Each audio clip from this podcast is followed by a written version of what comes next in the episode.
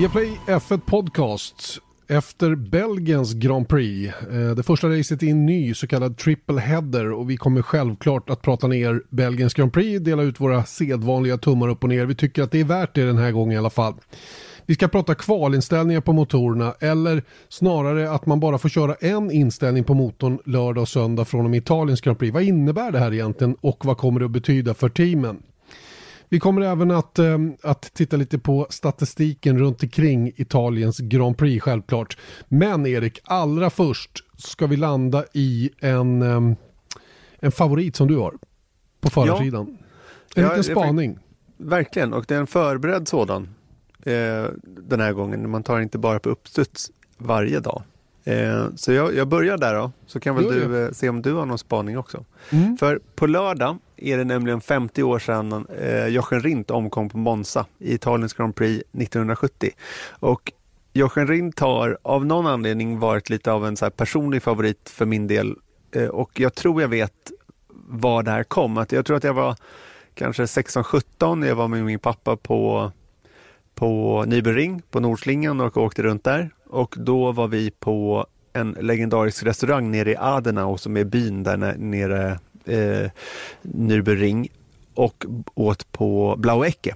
Och då fick vi titta på eh, Blaueckes gästböcker, för det är liksom, den här restaurangen, hotellet har liksom funnits hur länge som helst och då har de sparat de här gästböckerna från ja, det glada 60 och 70-talet och då eh, fastnade jag för någonting som Jochen Rindt hade skrivit där. Jag vet inte exakt vad det var han skrev, men jag vet att han var, att jag blev liksom lite chockad över att någon på 60-talet uttryckte sig så. Han var väldigt liksom, han var en lustig kurre helt enkelt. Och då, sen dess har jag liksom tänkt på att den här Jochen Rindt, han är cool. Liksom. Eh, så att ganska, jag har ett fotografi av honom hemma faktiskt, när han tar sin första seger 1969 på Watkins Glen.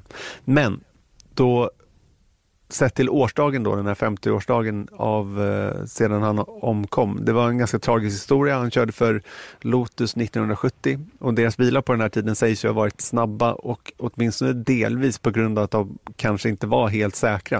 Eh, Colin Chapman som var Eh, ägare och designer på den tiden, han har ju ett rykte om sig, eller hade ett rykte om sig att liksom pusha designen lite väl långt kanske. Kanske på bekostnad av, av eh, tillförlitlighet och säkerhet. Då. Eh, Rint hade vunnit fem av tio race den här säsongen, eh, 1970 alltså, men hade svårt att hänga med Ferraris eh, Flat 12-motor eh, i racen innan då. Så på Monza då så plockade man bort vingarna, vilket först inte var något problem, men under träningen då så tappade Rint plötsligt kontrollen på väg in i parabolika och gick in i räcket. Och man ska senare då ha hittat problemet och det var en felande bromsaxel. Men det som faktiskt dödade Rint, vilket är väldigt makabert, var att han åkte under bältena i, i, i smällen. Liksom. Eh, och han hade som vana nämligen att, för det var i fempunktsbälten då, en sån här en gren, eh, ja, själva bältet som sitter i grenen, den brukade inte han eh, knäppa för att han ville kunna komma ur bilen fortare om det började brinna. Det gjorde då att han åkte under bältet och eh, i den här farten och i smällen så, så skar alltså eh, bältena av, av, av honom halsen i praktiken. Och en fruktansvärd historia. Ha? Ja, frukt, riktigt fruktansvärt faktiskt. Mm. Um, men så, det är klart, han fick betala ja. priset av att han eh, ville ur bilen om det hände något annat istället ju. Ja, precis. Och det var väl lite sån här grej att, ja, men, tänk hur det var på den här tiden överhuvudtaget. Jag tänker liksom på, när man nu tittade på Monza, tittade på lite statistik då, tittade på de här oval ovaldelen liksom på Monza som, som kördes då under två stinter under 60, 50 och 60-talet. Alltså de var uppe i liksom 300 plus och liksom i stort sett inga räcken. Det var ju som en katapult. Liksom. Mm. Fullkomligt livsfarligt. Så det är klart att jag tror att många förare hade sådana här liksom, egna hittepå-taktiker liksom, för att kanske behålla livhanken tänkte man, men tyvärr då så, så blev det liksom ironiskt nog tvärtom i det här fallet. Snack, snacka om att man var tvungen att liksom blocka bort riskerna med vad man höll på med. Det där är ju en förmåga vi människor har rent generellt att liksom stänga av om man är bekväm med det man gör, då känner man sig säkert eh, tämligen odödlig. Men det är ju så fort att man inser att man kanske inte är helt hundra bekväm, det är då man börjar tvivla och då blir det jobbigt. Mm. Det kanske var det som, en sån som Jackie Stewart till exempel då, som, som du kommer in på senare här, var, var, eh, blev. Han blev lite mer osäker på saker och ting, kanske såg, det, såg ett steg längre. Och mm. satte igång då säkerhetsarbetet, eh, kanske på grund av den här olyckan också delvis. Absolut, och det, det här är liksom lite hobby psykologi kanske, men jag tänker just bara det faktum att han hade den där taktiken då att inte spänna hela bältet. Det var ju, det måste ju säga någonting om vad man han var ju fullt medveten om att dåliga saker kunde hända.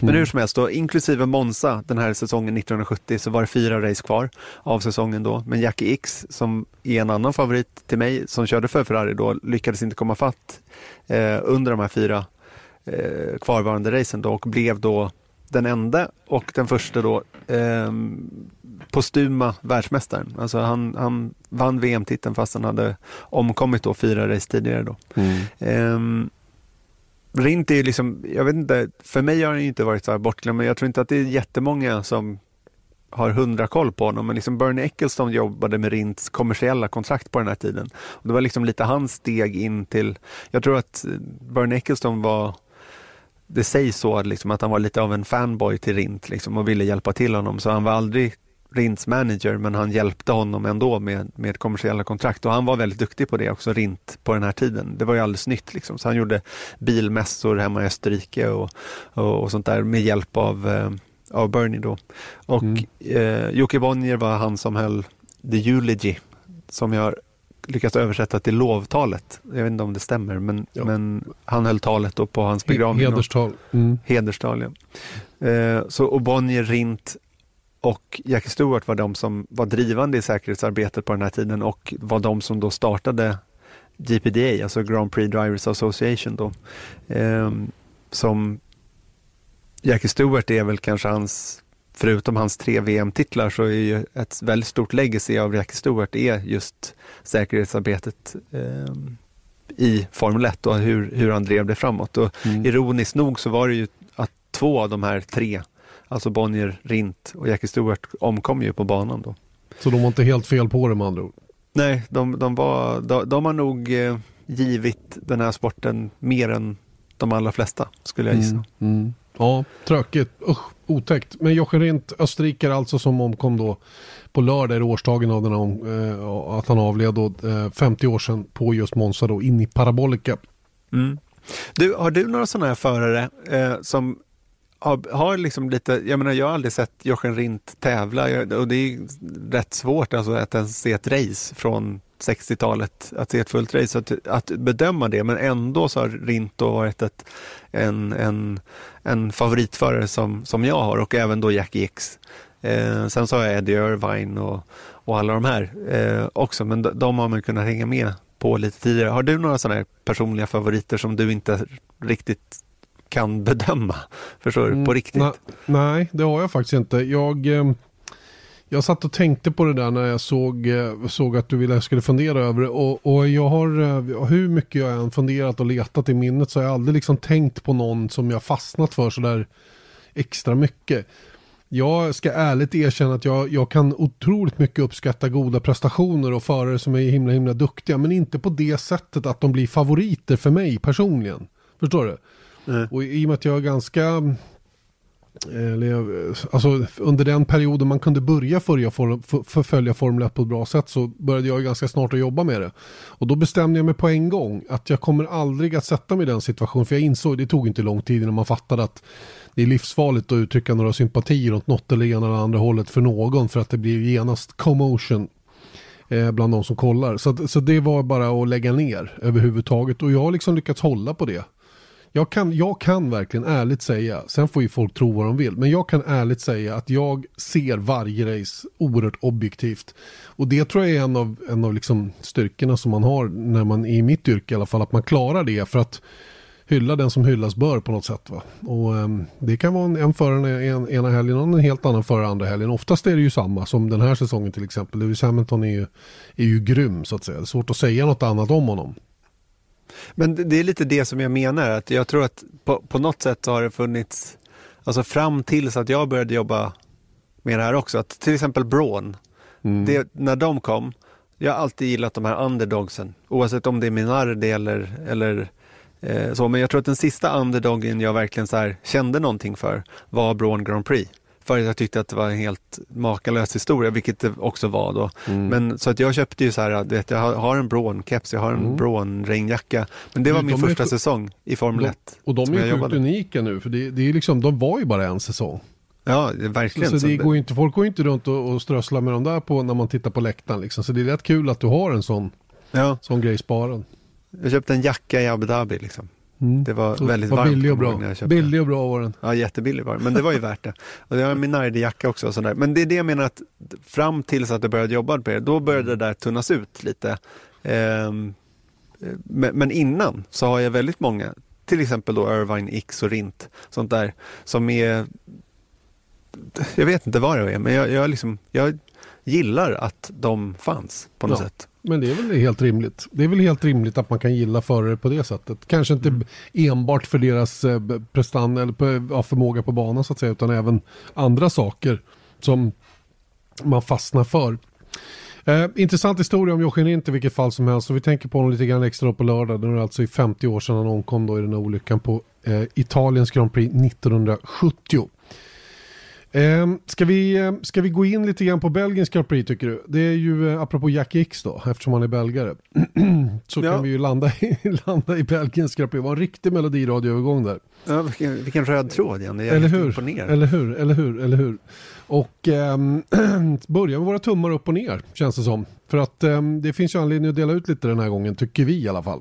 Mm. Jag, jag, jag, vill bara göra en fotnot egentligen och då, då vill jag bara så här ge en snabb tumme till Lewis Hamilton. Han leder VM med 47 poäng och allting sånt. Men jag, jag är lite så här, låt oss inte stanna där. Eh, utan låt oss eh, gå på någonting lite mer elakt och, och eh, Vi kan väl säga så här, Lewis Hamilton överraskade inte, om man säger så. Nej. Nej, han levererade. Faktiskt. Det tror jag. Mm. Men det är ju överraskande. Men hur som helst, jag, jag, jag ger en dubbel tumme ner till Ferrari. Vad har du att säga om det? Ingenting egentligen. Jag, eh, däremot så eh, hela den här Ferrari-historien börjar bli lite speciell för folk börjar gå med yxorna nu och kräver en massa huvuden i, i, i ledningen på Ferrari och hela den biten. Det, det, det som jag tror folk, folk har lite svårt att förstå det är ju att det här har ju varit känt för Ferrari så himla länge. Att det är på det här viset och jag tror att eh, högsta ledningen vet varför det ser ut som det gör. De är fullt medvetna om varför man byggde en bil som man gjorde och hela den här biten va. Samtidigt som högsta... Say hello to a new era of mental health care. Cerebral is here to help you achieve your mental wellness goals with professional therapy and medication management support. 100% online. You'll experience the all new Cerebral way, an innovative approach to mental wellness designed around you. You'll get a personalized treatment plan from a therapist, prescriber, or both in a safe and judgment free space. Your cerebral therapist or prescriber will outline a customized plan with clear milestones along the way so you can get to feeling your best. With Cerebral, you're not alone in your mental health journey. We're here to empower you to live a fulfilling life. So take that first step towards a brighter future and sign up today at cerebral.com slash podcast and use code ACasts to get 15% off your first month. Offer only valid on monthly plans. Other exclusions may apply. Offer ends July 31st, 2024. See site for details. Ledningen hos Ferrari, alltså då pratar jag ovanför Mattia Benotto, också vet om den här uppgörelsen som man tvingades göra med FIA då angående hur man körde motorerna under fjolåret. Och allt det här har ju Ferrari vetat om. De har, de har laddat upp för det. De visste att det här skulle bli en tuff säsong. De visste att de, nu blev det ju även att nästa säsong kommer att bli väldigt jobbig för dem. Även om de har möjlighet att homologera en annan motor till nästa år så tror jag inte de kommer att hitta tillbaka. Mm. Eftersom man fortfarande har det här väldigt luftmotståndliga chassit som på något sätt blir eh, dubbelfel på alla sätt och vis. Och eh, så jag tror inte det, det, man vinner ingenting på att sparka bort Mattia Benotto och hela den biten. Utan nu är det bara att rida ut den här stormen 2020 och 2021 och försöka hålla liv i relationerna med Haas och med Alfa Romeo på något sätt så att man inte liksom för det är ju tråkigt om alla hoppar av och kör med Ferrari bara för att det är som det är just nu för de har säkert alla möjligheter att komma tillbaka men det är klart de ska ha en dubbel tumme ner för prestationen på, på spa. Eh, för på spa blev det tokigt. Va? De, de har ju in, inga möjligheter att hänga med av alla möjliga olika anledningar då, som, som är då till exempel då att motorn inte drar ordentligt, bilen som är byggd som den är, eh, vilket i sin tur gör att man måste trimma av downforce och då funkar inte däcken. Allt det här blev ju the perfect storm på något sätt i just Belgien va? och man drog ner byxorna på dem riktigt ordentligt. Mm, exakt, och jag tror att det där med eh, eh det är lätt att tänka sig att så här, ja, men visst, det är motorn. Det är motorn som är dålig. Men det är just effekterna som du nämner där. Det är det som är spännande att, och det är det som jag tror man måste förstå på ett lite djupare plan för att verkligen förstå hur de kunde vara så sjukt långt bak just i Belgien.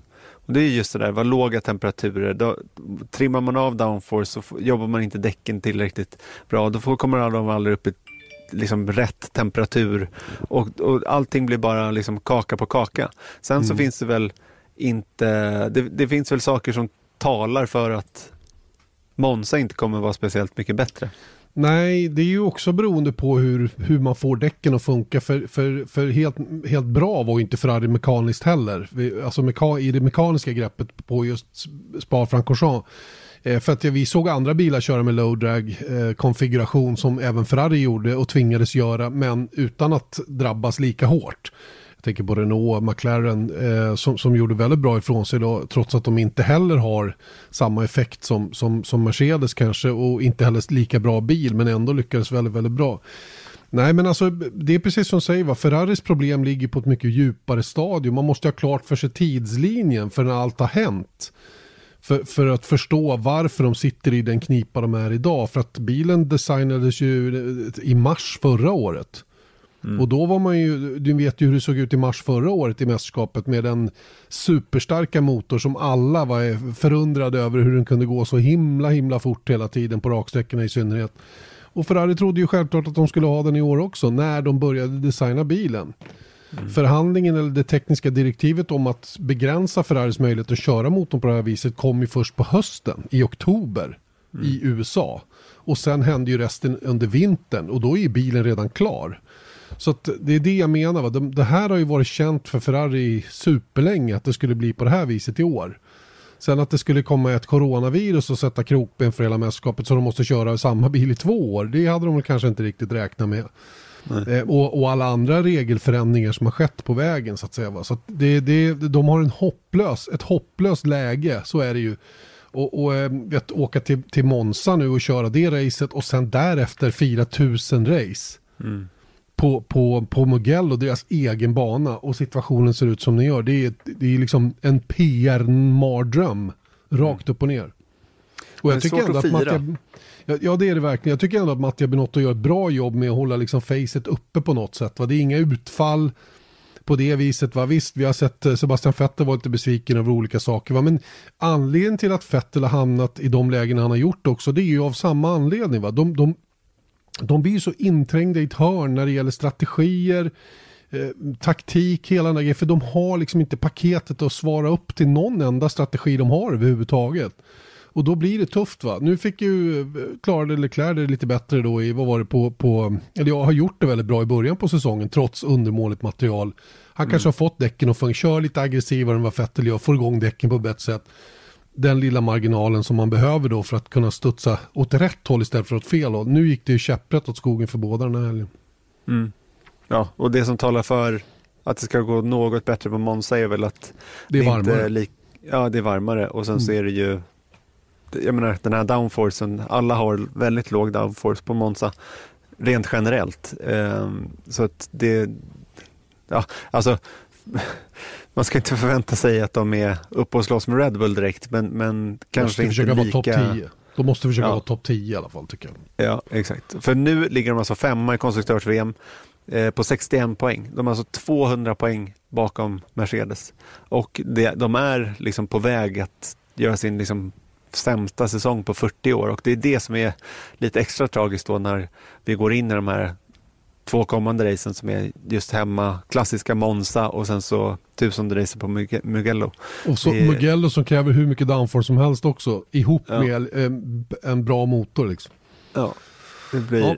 A fucking nightmare. Nu sa jag ett yes. fult ord men jag gör det bara för att jag känner att det var så. Eh, det leder oss in på en tumme upp tycker jag. En liten, liten knattetumme till Kimi Räikkönen som faktiskt blev snabbaste Ferrari-motor. Eh, mm. precis framför de båda Ferrari-förarna senast. Och körde om Vettel in i Lecom och hela den grejen. Så jag, jag, tycker det var lite uppmuntrande ärligt talat att se Kimi eh, stångas ordentligt med dem. Och, eh, han eh, har ju fortfarande inga VM-poäng den här säsongen, vilket är, tror jag, ingenting som bekymrar honom speciellt. Men det är ju ett faktum och sånt brukar man ju räkna i slutändan på säsongen, hur många VM-poäng man har tagit. Så att mm. han får kämpa vidare då. Fortfarande är det ju Antonio Giovinazzi då som har tagit teamets två enda poäng under detta racen i Österrike.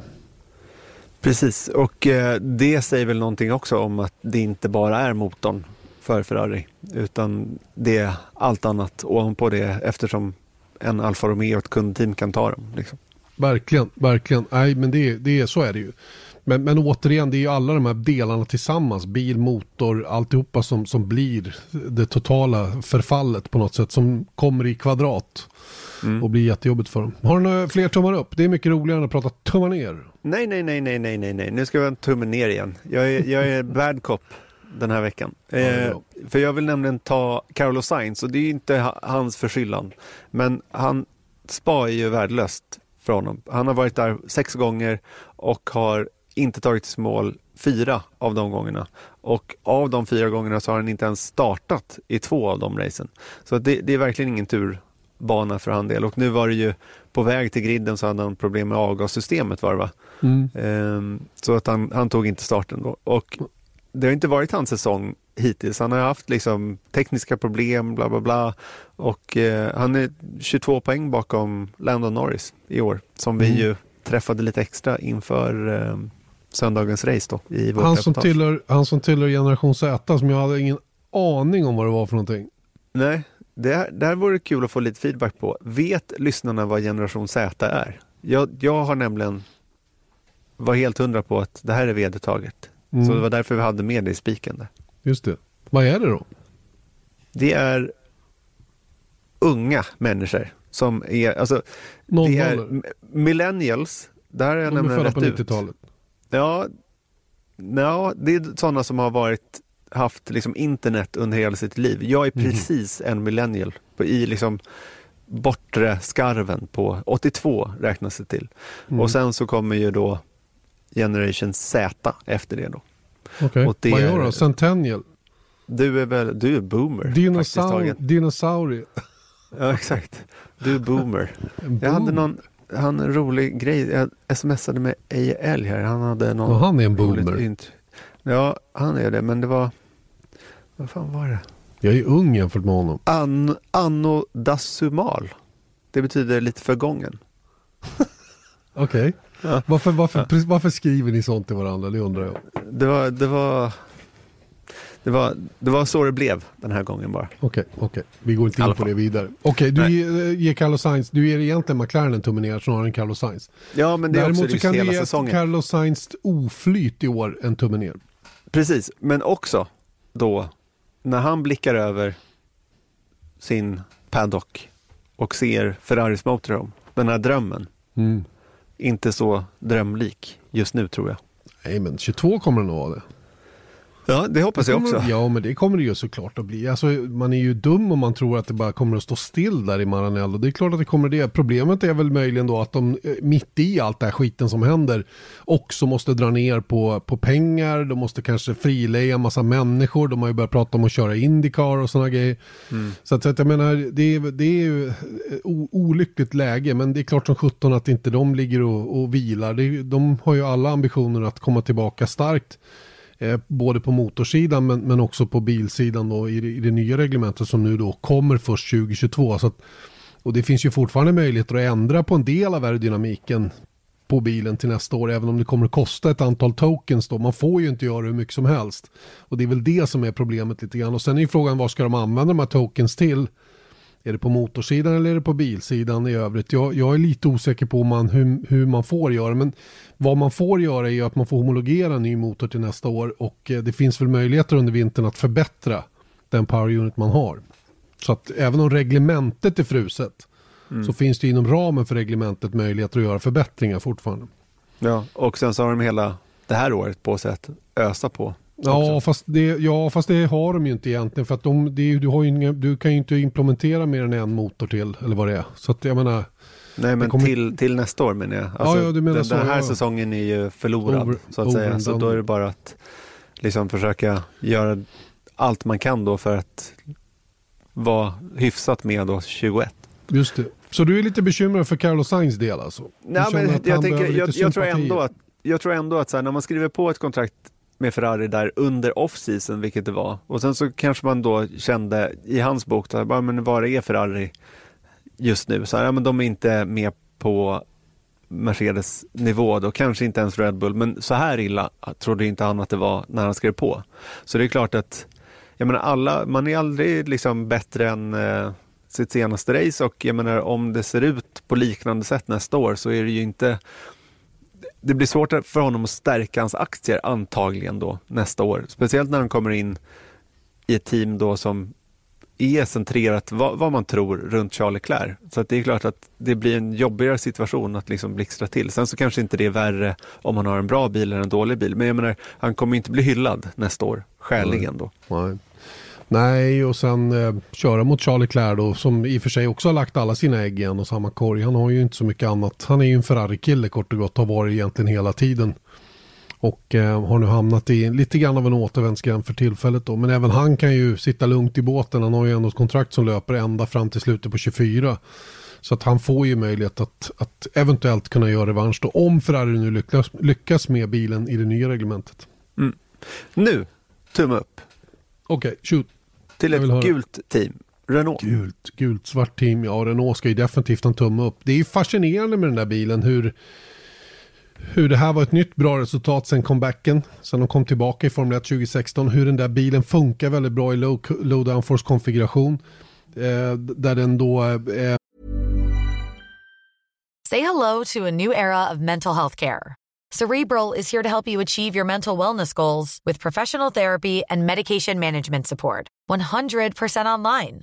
You'll experience the all new Cerebral Way, an innovative approach to mental wellness designed around you. You'll get a personalized treatment plan from a therapist, prescriber, or both in a safe and judgment free space. Your cerebral therapist or prescriber will outline a customized plan with clear milestones along the way so you can get to feeling your best. With Cerebral, you're not alone in your mental health journey. We're here to empower you to live a fulfilling life. So take that first step towards a brighter future and sign up today at cerebral.com slash podcast and use code ACasts to get 15% off your first month. Offer only valid on monthly plans. Other exclusions may apply. Offer ends July 31st, 2024. See site for details. Kommer att vara bra även på Monza gissar jag. Där de mm. faktiskt för, förra gången var fyra och femma. Mm. Så, så, att de har verkligen ett bra paket för den typen av banor. De är verkligen mitt i fönstret för när den här bilen trivs som allra bäst. Eh, som är då också en designfilosofi då som Renault har valt. Eller påminner lite grann om den som Williams hade under en period i början på det här turbo, turboeran. Mm. Och det var faktiskt deras bästa liksom, points haul, alltså poäng, totala poängen med båda bilarna, inklusive eh, Ricardos fastest lap. Det är deras bästa det var resultat sedan de gjorde comeback 2016. Mm. Jag är imponerad 23, av dem. 23 pinnar blev det. Ja, ja, bra. Riktigt, riktigt bra poängutdelning då. För det, såg, det ser fortfarande lite trögare ut för Esteban Ocon än det gör för Daniel Ricciardo. Saker och ting kommer lite lättare för Daniel Ricciardo än för Esteban Ocon. Men det får man väl liksom på något sätt acceptera. Och Ocon har ju ändå suttit på sidan ett år. Och det, det är inte bara att hoppa in och köra ifrån en sån som Daniel Ricciardo i synnerhet. Mm. Eh, som dammade till med det snabbaste varvet då, rakt mot Cyril Abiteboul's vilja. Eh, det var lite mm. kryptiskt det där radiomeddelandet efter racet där han, jag vill, for the record liksom, jag var emot. Mm. Men på något sätt är jag glad att du gjorde det i alla fall liksom. Mm. Ja, men det var väl mer en, jag såg det som en lättsam grej att, att säga bara. Det är roligt med deras tatueringar. De har gjort ett vad ju, att om, om eh, Ricardo hamnar på pallen någon gång under året så ska både Daniel Ricciardo och Cyril Abiteboul göra matchande tatueringar. Mm. Mm. Det var det värsta. Mm. Det kan hända, men det är, det är i så fall i helgen nästa, tror jag. Nästa helg, precis. Ja. Eller kommande helg. Det tror jag också. Det är deras bästa chans till det.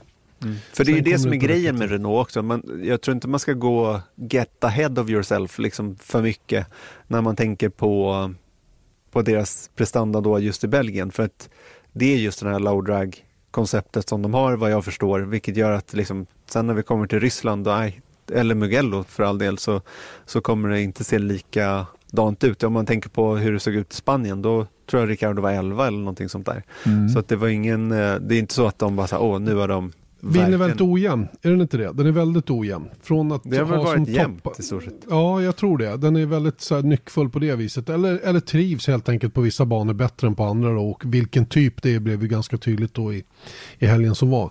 Eh, någon mer tumme upp har du väl? Ja, Gasly. Ja, Pierre Gasly ska ha en liten tumme upp. Han... Eh, och den, den är oerhört välförtjänt måste jag säga. Han var ju grymt stark. Började ju på hårda däck. Var ju den enda som gjorde det. Körde en riktigt, riktigt bra första stint. Hade sån ruggig flyt med, eller oflyt med den där gulflaggen då. För hade inte den kommit, då hade de ju sett betydligt bättre ut. Nu fick han ju hänga kvar där ute. Alla andra hann in, byta, göra sitt enda depåstopp och sen ett neutraliserat startfält. Han fick ju liksom börja om från början efter att ha gjort sitt stopp så småningom. Men jag tycker ändå att köra sig upp till åttonde plats då med de förutsättningarna det kan man egentligen bara göra på spa för den är så pass omkörningsvänlig som den är. Men man måste ju samtidigt ha farten och det visade Pierre Gasly rakt igenom. Och det var ju en väldigt speciell helg för hans del också då med det som hade hänt Antoine Hubert året innan. Och jag vet att det där har varit en tung grej på hans axlar rakt igenom och han, han tänkte väldigt mycket på det genom helgen. Och han dedikerade också positionen då eh, med hjälp, eller ja, den här platsen i mål då, till, till just Antoine Hubert. Mm. Ja, hela hans hjälm var ju täckt med bilder på Antoine Hubert, eller honom och, och eh, Hubert. Då. Mm. Så att, eh, sådana där stories är jag svag för. Så jag hoppades, hade stora förhoppningar för Gasly inför racet. Och så blev väldigt glad att det blev så. Det är typ som Kviat förut i Tyskland när han kom på pallen och hade blivit pappa typ ett dygn innan eller något sånt där ja, det, det, det, är det du är lite soft för alltså. Ja men jag gillar det sådär meningsbyggande som kanske inte är egentligen har någonting med saken att göra, men jag, jag gillar det ändå. Är vi klara med tummarna upp och ner nu? Ja, jag tycker att vi är det. Ska vi då komma in på det som eh, har blivit en väldigt, väldigt stor snackis, nämligen eh, det här med eh, vad som händer då inför Italiens Grand Prix. Det här nya tekniska direktivet, förtydligande av gällande regler om hur motorerna får köras. Från och med Italiens Grand Prix så får man alltså fredagen på sig att anpassa motorn så som man vill ha den under både kval och race.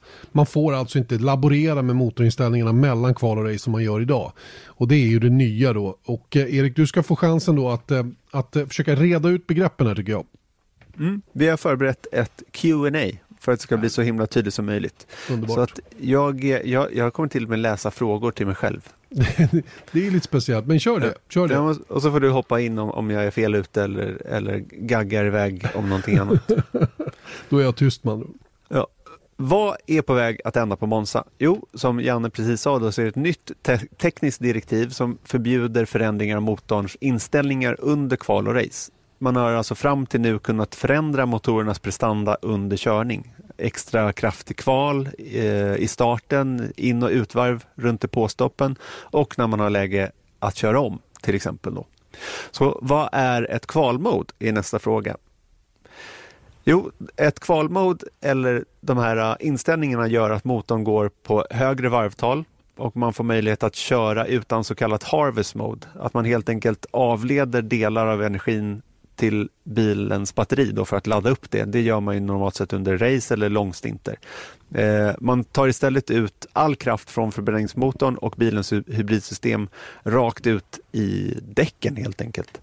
Eh, dessutom så får man vanligtvis aggressivare tändning och mer bränsleflöde, eller ett högre bränsleflöde. Baksidan då av ett kvalmode är att det sliter på motorn, det förbrukar mer bränsle och därav då går tillförlitligheten ner. Eh, därför har man bara kunnat köra de här inställningarna vid väl valda tillfällen. Eh, och nu alltså inte alls. Man måste hitta en gyllene medelväg mellan motorprestanda och tillförlitlighet. Och föraren måste också justera det här själv genom högerfoten. Är det glasklart så här långt? Tycker jag. Så varför implementeras det här direktivet nu och vad kommer det få för effekt?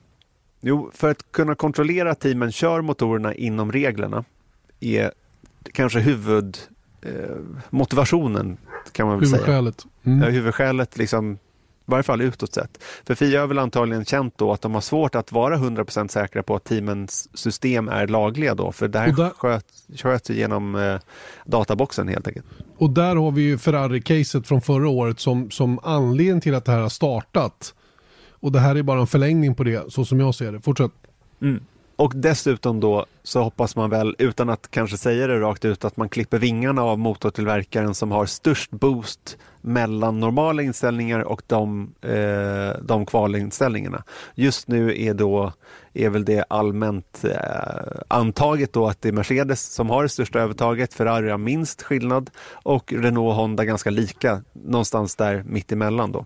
Och på plussidan så ger, ger det här då förhoppningsvis besparingar för att alla tillverkare då slipper så att säga utveckla de här inställningarna. Eh, baksidan är väl kanske en risk för mindre omkörningar då det kommer vara mindre skillnader mellan motorerna generellt. Det är trots allt inte ovanligt att omkörningar kommer genom att en jagande förare får den jagade att använda upp sina batterier och sen då kunna attackera efter det.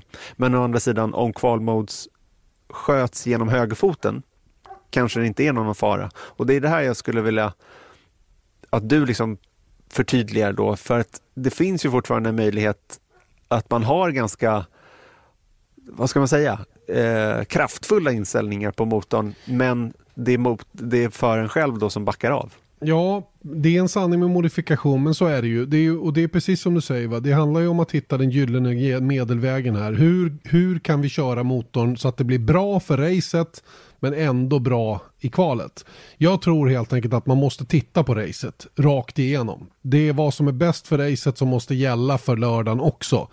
Jag tror helt enkelt inte att man kan, för, och det är det som har varit lite grann problemet och det är det som jag tror Fia är väldigt noga med att försöka jaga efter. Det är de här extrema kvalinställningarna, de här extrema grejerna som som då eh, de också har insett skiljer sig åt mellan fabriksteamen och deras kunder. Även om kunderna får samma grej, samma mjukvaror så är det ju ändå så att Fabriksteamen har mycket mer möjlighet att optimera allting till 100% än vad kundteamen har och då blir det en skillnad redan där. Varför ska det vara så?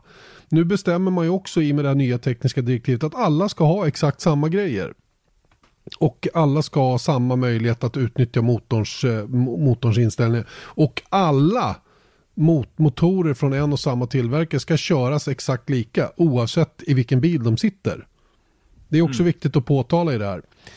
Eh, och eh, som, som jag var inne på tidigare så är det ju så att eh, skulle du köra då med, med en så kallad kvalinställning på motorn då och, och bestämma, ja men jag har det och sen så får föraren åka och hålla igen. Så det, det är ju så mycket system, bränslesystemet som jobbar eh, mot en dator med hur mycket flöde det ska vara hela den biten. Och, i ett race så kör de ju nästan aldrig med max bränsleflöde.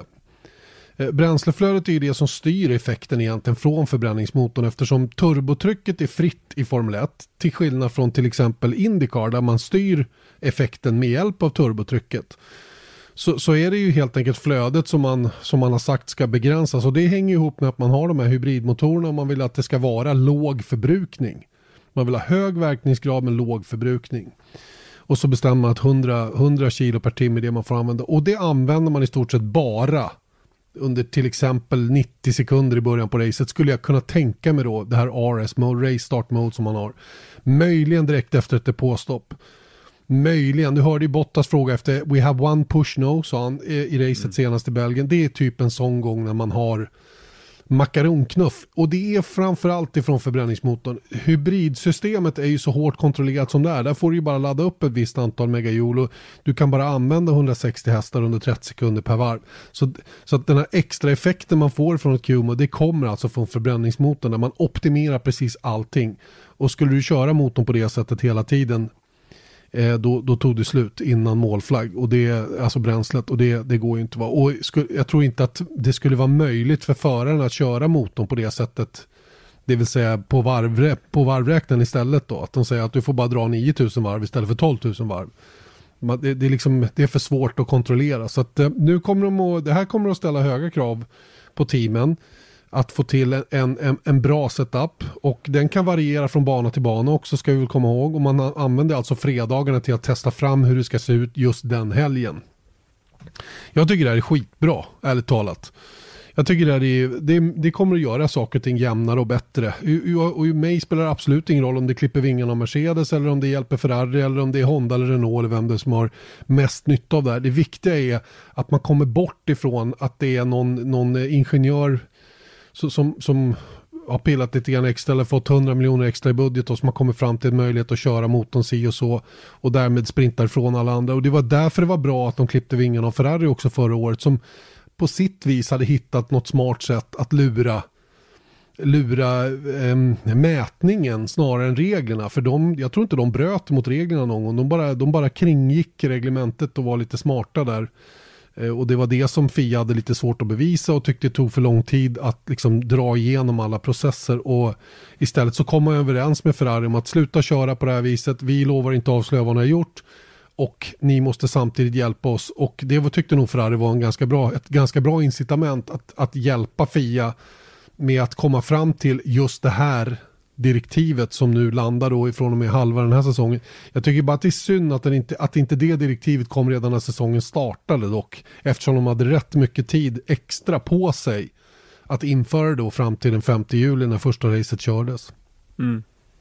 Bättre sent än aldrig, ja, aldrig kan man ja, väl säga dock. Men, så, är det, men, så är det. Men, men det är det här lite grejen också tror jag att det som inte gynnar Formel 1 speciellt tror jag är just den här optimeringen, att allting är så sjukt optimerat. Mm. När de väl står där på startlinjen på, på um, söndagar så, så är liksom Oavsett vilket, team det, allt, oavsett vilket team det är. Så att när det inte är perfekt, jag menar det är sådana små, små minimala skillnader. Så att det gör nästan ingen skillnad ändå. Nej. Så att när någon, en Hamilton klagar på att det är vibrations på däcken, så ja men det, det är liksom, hur många gånger har man inte hört det för, för det första. Och i slutändan så, så gör det nästan ingen skillnad på hans fakt, faktiska speed heller. Och Nej. jag tror att det är en sån här grej som gör att det blir inte lika optimerat. Om man jämför med Indycar till exempel. Nu är det entypsklass och sånt där, så det är den där svårigheten att jämföra de klasserna. Men däremot så känner jag att ja, men så kommer de till Iowa och så får de 90 minuters träning och that's it. Och så ska de kvala med racebilen. Då är det liksom, ja, det, mm. det, det, det finns bara x antal saker du kan göra då. Och då blir det lite som det blir och sen så kör de och sen så är det någon som får till det rätt och, och Men allting sånt där. Det som talar, ja, det, det, det, finns ju baksidor med det också för då är det inte alltid den bästa föraren vinner utan det är den som har lyckats liksom krångla sig igenom det här nyckelhålet på bästa sätt på något sätt också. Så att det, någonstans mitt emellan det perfekta perfekta och det som blir allt för slumpmässigt tycker jag är det och jag tycker just en sån här, en sån här begränsning som man nu skapar men återigen, jag är inte jätteförtjust i att det sker mitt under säsong. Det hade varit mycket, mycket bättre att de sa det redan innan säsongen startat. Så här är det nu. Mm. I början på juni sa man där. Nu hade de tid att köra en månad i sina dynos om nu fabrikerna var öppnade, jag minns inte. Men oavsett vad, här fick de ju faktiskt en gratis chans att implementera det här redan till säsongstarten istället för att nu mitt i när det är väldigt uppenbart att Mercedes-motorn är så himla mycket starkare. Den är säkert fortfarande stark. Mm. Eh, även i, i, i, en så kallad race, race setup då, eller ett race mode även under kvalet. Men jag tror inte att den kommer att vara det med till exempel 5, 6, 7, 8, 9 tiondelar vilket har varit hittills den här säsongen under, en, under eh, de snabbaste varven i Q3. Mm. Vi får se, det, det, är en spännande grej, vilket vi såklart ska gå lite djupare i, i sändningarna inför eh, kval och race i just helgen. Det, just det. Mycket bra, mycket bra. Då har vi eh, bara en liten detalj kvar utav våran fantastiskt fina podd idag. Eh, vi ska prata lite Monza. Eh, som är då eh, det, det 70 Formel 1 Grand Prix på Monza. Som körs nu till helgen. Och det här är ju eh, ett, ett, av, ett av fyra Grand Prix som har varit med sedan starten 1950. Det är ju ett speciellt ställe. Det är mitt första race som jag såg live. Eh, det är, det är så många saker runt Monza som är så otroligt speciellt. Eh, jag vet inte vad du själv säger, men, men eh, du har lite stats runt omkring den här banan. Ja, till att börja med så då är det mitt favorit. Om jag, om jag fick välja ett race att åka till på ett F1-år så skulle jag ta Monza. Nästan varje gång. Ja, men det är just, och det är inte just eh, för racets skull kanske, liksom, eller vad som händer på banan, utan det är just stämningen runt och det är den här historiken, det är liksom den här halvslitna, på sina håll i alla fall, anläggningen och sen så bo inne i Milano är trevligt och sen så, det är fint bara där. Och mm. det är senhöst eller tidig höst eh, och oftast fint väder, förlänga sommaren, härligt. Mm. Jo, Spaghetti, ja, pizza. I, I, buy it, I buy it. Jag vet inte, jag har väl... Det, jag bara har en stark relation till stället eftersom det var som sagt var mitt första race som jag åkte på då för över 20 år sedan. Så att, eh, nej, det, det, det är coolt. Eh, mm. Vad kan vi säga om Monza då? Ja, men vi kan väl börja med lite onödigt vetande för det är bara 11 kurvor på, på Monza och de, eftersom de då kör 53 varv, det är ganska långt varv, över 6 kilometer. Så Nej, blir det 5,8. Ja, 5,8. Över 6 kilometer. Mm. 5,8. Mm. mm. Precis under 6 kilometer Just kan man det. säga också. Kan man säga. Eh, de kör i alla fall 53 varv och då blir det alltså 583 kurvor som förarna tar under racet. Och det är alltså racet med minst antal kurvor under en racedistans. Mm. Sug på den du. Nej, men det är ju skönt för dem. Slippa svänga på ratten så himla mycket. Och det mesta svänger åt ett håll också. Eh, om man tycker att Bahrain är en nästan oval, den här yttre layouten som man ska köra, så är ju banne mig Monza inte långt därifrån. Mm. Och nu är en guld, guldanekdot här. Ja, kör. Det var när vi var, när Eje körde den här historiska Monaco Historic Grand Prix, så har ju Eje lite problem med synen när han tittar åt vänster. Efter, jag tror att det är kraschen i Dakar eller någonting sånt va? Eller? Nej, nej. Är det tidigare det är? Det är tidigare. Ja, men i alla fall, han, han, kan, han ser lite konstigt när han tittar skarpt åt vänster. Och då så säger han det till eh, Paolo Barilla som han körde racet tillsammans med.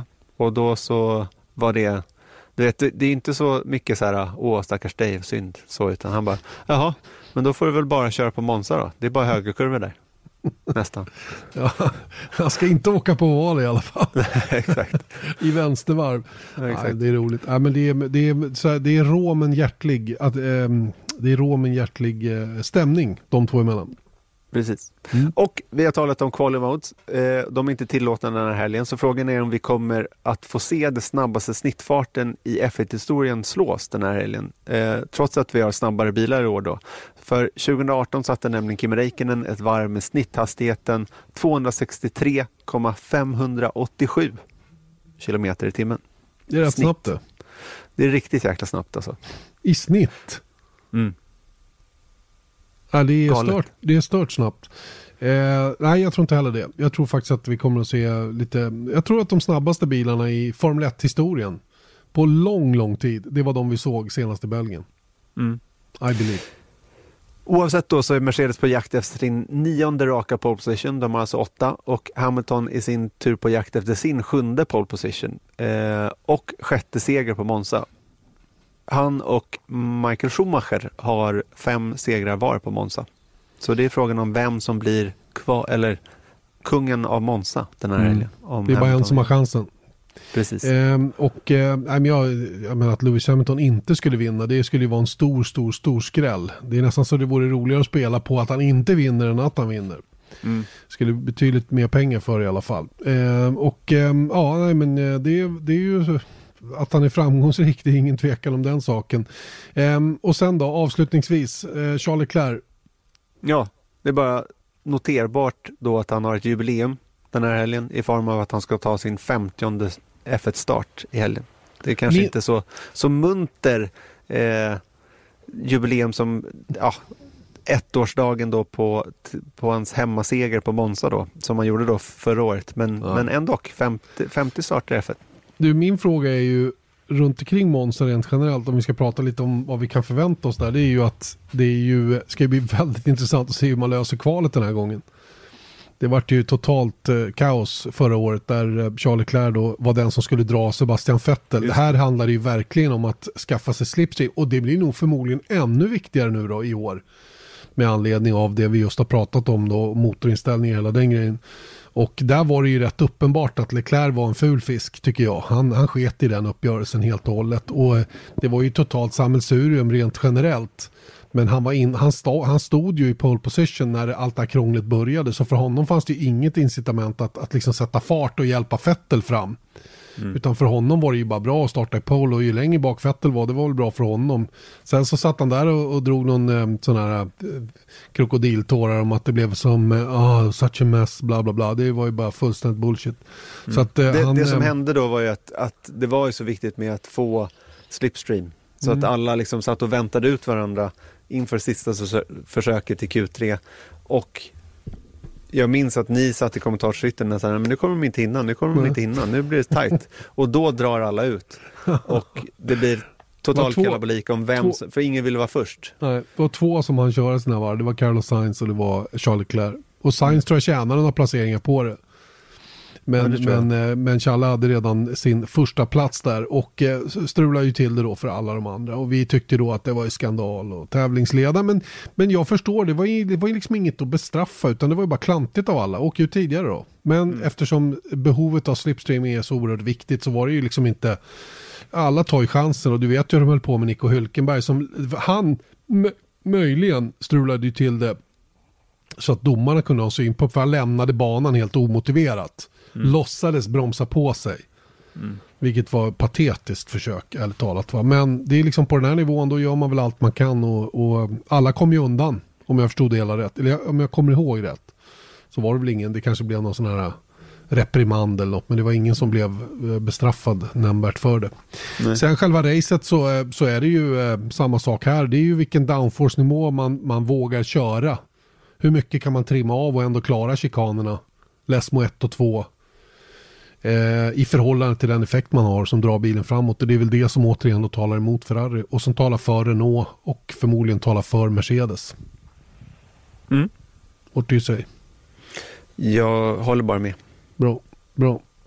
Eh, har vi något kul att se fram emot den här helgen då? Förutom att vi ska prata motorinställningar gissar jag. Ja, vi kommer få se en gammal trackwalk. Eh, för vi tyckte att det var värt att dra upp den igen. Det var när Eje och Rickard tog en promenad runt banan. Och sen så har vi återigen då, det är ovanligt svårt att få tidiga besked om, eh, om de här interv intervjuerna. Så att, eh, jag väntar fortfarande på svar. Någon kommer det bli i alla fall. Ja, vad gött. Renault ska vi titta närmare på faktiskt. Tycker jag låter rimligt. Eh, så att eh, vi ser fram emot den här helgen då som tyvärr då återigen kommer köras utan publik. Samma sak eh, eh men inte på Mugello ska vi tillägga. Där tillåter man den eh, fashionabla mängden av 2580 eller vad var det? 2880 personer per dag. Mm. Och det kommer ju inte att göra läktarna välfyllda direkt men eh, det är i alla fall möjligt för några att komma dit och jag gissar att de biljetterna inte kommer att bli speciellt billiga. Nej, jag gissar det också. Men det är också, ja, jag vet inte ens hur de, hur de väljer det där då. Men eh, jag, jag, noterade också att eh, det stod på Autosport här precis innan vi började banda så hoppas Turkiets eh, organisatörerna i Turkiet hoppas på 100 000 människor på läktarna wow. i, eh, vid det racet då. Okej, okay. de har kanske inte följt utvecklingen i världen senaste tiden. Nej, ibland kan man undra faktiskt. Men, men jag tror att eh, det, grejen är här att, att eh, de har ju de här ja, social distansering-reglerna då ska de köra med då. Och sen så får de, säger de då att vi, vi får se lite hur det blir. Men, men eh, de kommer ha general admission-biljetter då för eh, 30 turkiska lire, vilket är 3 pund per dag. Då. Det är bra. Eh, ja, så det är det billigaste du kan få som eh, att gå på Formel 1. Så att är ni sugna så kanske det kan vara läge. Men jag skulle inte säga att allting eh, är 100% tatt heller. Så att, eh, kom inte till mig och kräv tillbaka pengarna för era flygbiljetter. Lovar. Jag lovar mm. att vi inte ska göra det. Alright Erik, det var det. Veckans podd därmed avklarad. Vi eh, ser fram emot en ny eh, nästa vecka självklart. Då ska vi ju då sammanfatta det här första av två race i Italien såklart då. Eh, Italiens Grand Prix på Monza innan vi sen ber oss iväg till Toscana och eh, Toscanas Grand Prix då på Mugello som blir en ny bekantskap för alla som har följt Formel 1 under många år. Eh, ja, jag säger hej då bara kort och gott. Mm. Ah, yes.